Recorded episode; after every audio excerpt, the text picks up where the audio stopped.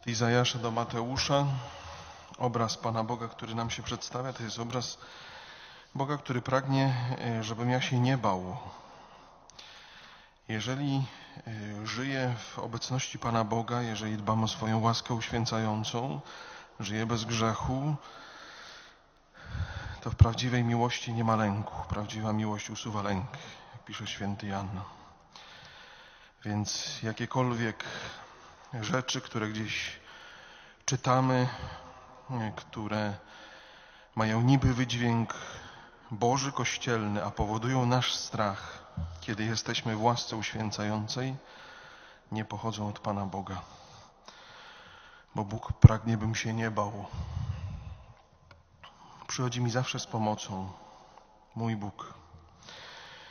Mój Bóg mnie przemienia, tak jak dzisiaj w tesanie młockarskie, o podwójnym rzędzie zębów, nowe, pokruszę góry, zamienię pagórki w drobną sieczkę. Pan Bóg mnie przemienia. Gasi pragnienie, które jest we mnie, za każdym razem, kiedy ono się pojawia. Albo je wypełnia, albo je gasi, bo ono jest złym pragnieniem. Ale gasi pragnienia ludzkie. Mój Bóg. Mój Bóg jest dobry dla wszystkich. Dla wszystkich. Dla tych, którzy przychodzą codziennie na roraty i dla tych, którzy dzisiaj spluną na obraz Pana Jezusa. Bóg jest dobry dla wszystkich. Dlatego, że nie chce śmierci grzesznika. Dlatego umierał za każdą i każdego z nas.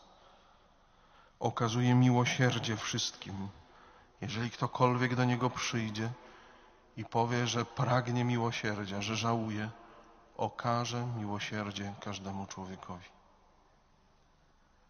I zaprasza nas do słuchania tego, co mówi.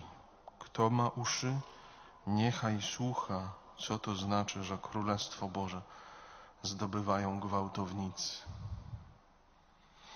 Skoro taki jest mój Bóg, to jakiego kościoła pragnie ten mój Bóg? To zawsze będą rzeczy podobne, ponieważ mamy naśladować Pana Boga jako wspólnota Kościoła. Czy duchowni, czy świeccy. Kościół, który wspólnie tworzymy. Bóg pragnie takiego Kościoła, który okazuje miłosierdzie każdemu człowiekowi. Chyba to jest najtrudniejsze zadanie dla nas wszystkich. Szczególnie to miłosierdzie, kiedy człowiek jest pogubiony i nie wie, co robić w życiu. I często rani nas. To taki człowiek oczekuje od nas miłosierdzia i do tego nas zaprasza Pan Bóg. Kościół y, Pana Boga to jest Kościół, który nigdy ma nie opuszczać człowieka. Nieważne w jakiej sytuacji człowiek się znajdzie. Kościół, którego pragnie Bóg, przychodzi z pomocą, gasi ludzkie pragnienia. W pierwszej kolejności przemienia siebie, ale też przemienia innych, bo ma taką możliwość poprzez na przykład sakramenty.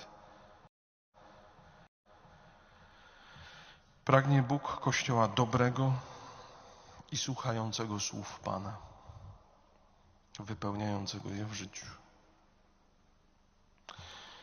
I trzy pytania, z jakimi chciałbym Was dzisiaj zostawić. Jak często staję przed Bogiem po to, żeby Go słuchać? Nie prosić, nie wypowiadać jakieś słowa, nie odmawiać kolejny różaniec, koronkę do Bożego Miłosierdzia, kolejną modlitwę i litanię, tylko słuchać w milczeniu tego, co Bóg chce mi powiedzieć. Jak często? Drugie, czy przychodzę z pomocą drugiemu człowiekowi, zanim człowiek mnie poprosi o pomoc? Po prostu, czy widzę drugiego człowieka potrzebującego pomocy? I trzecie, czy chcąc e, przemieniać innych, pamiętam o pierwszym kroku, czyli o przemianie samego siebie.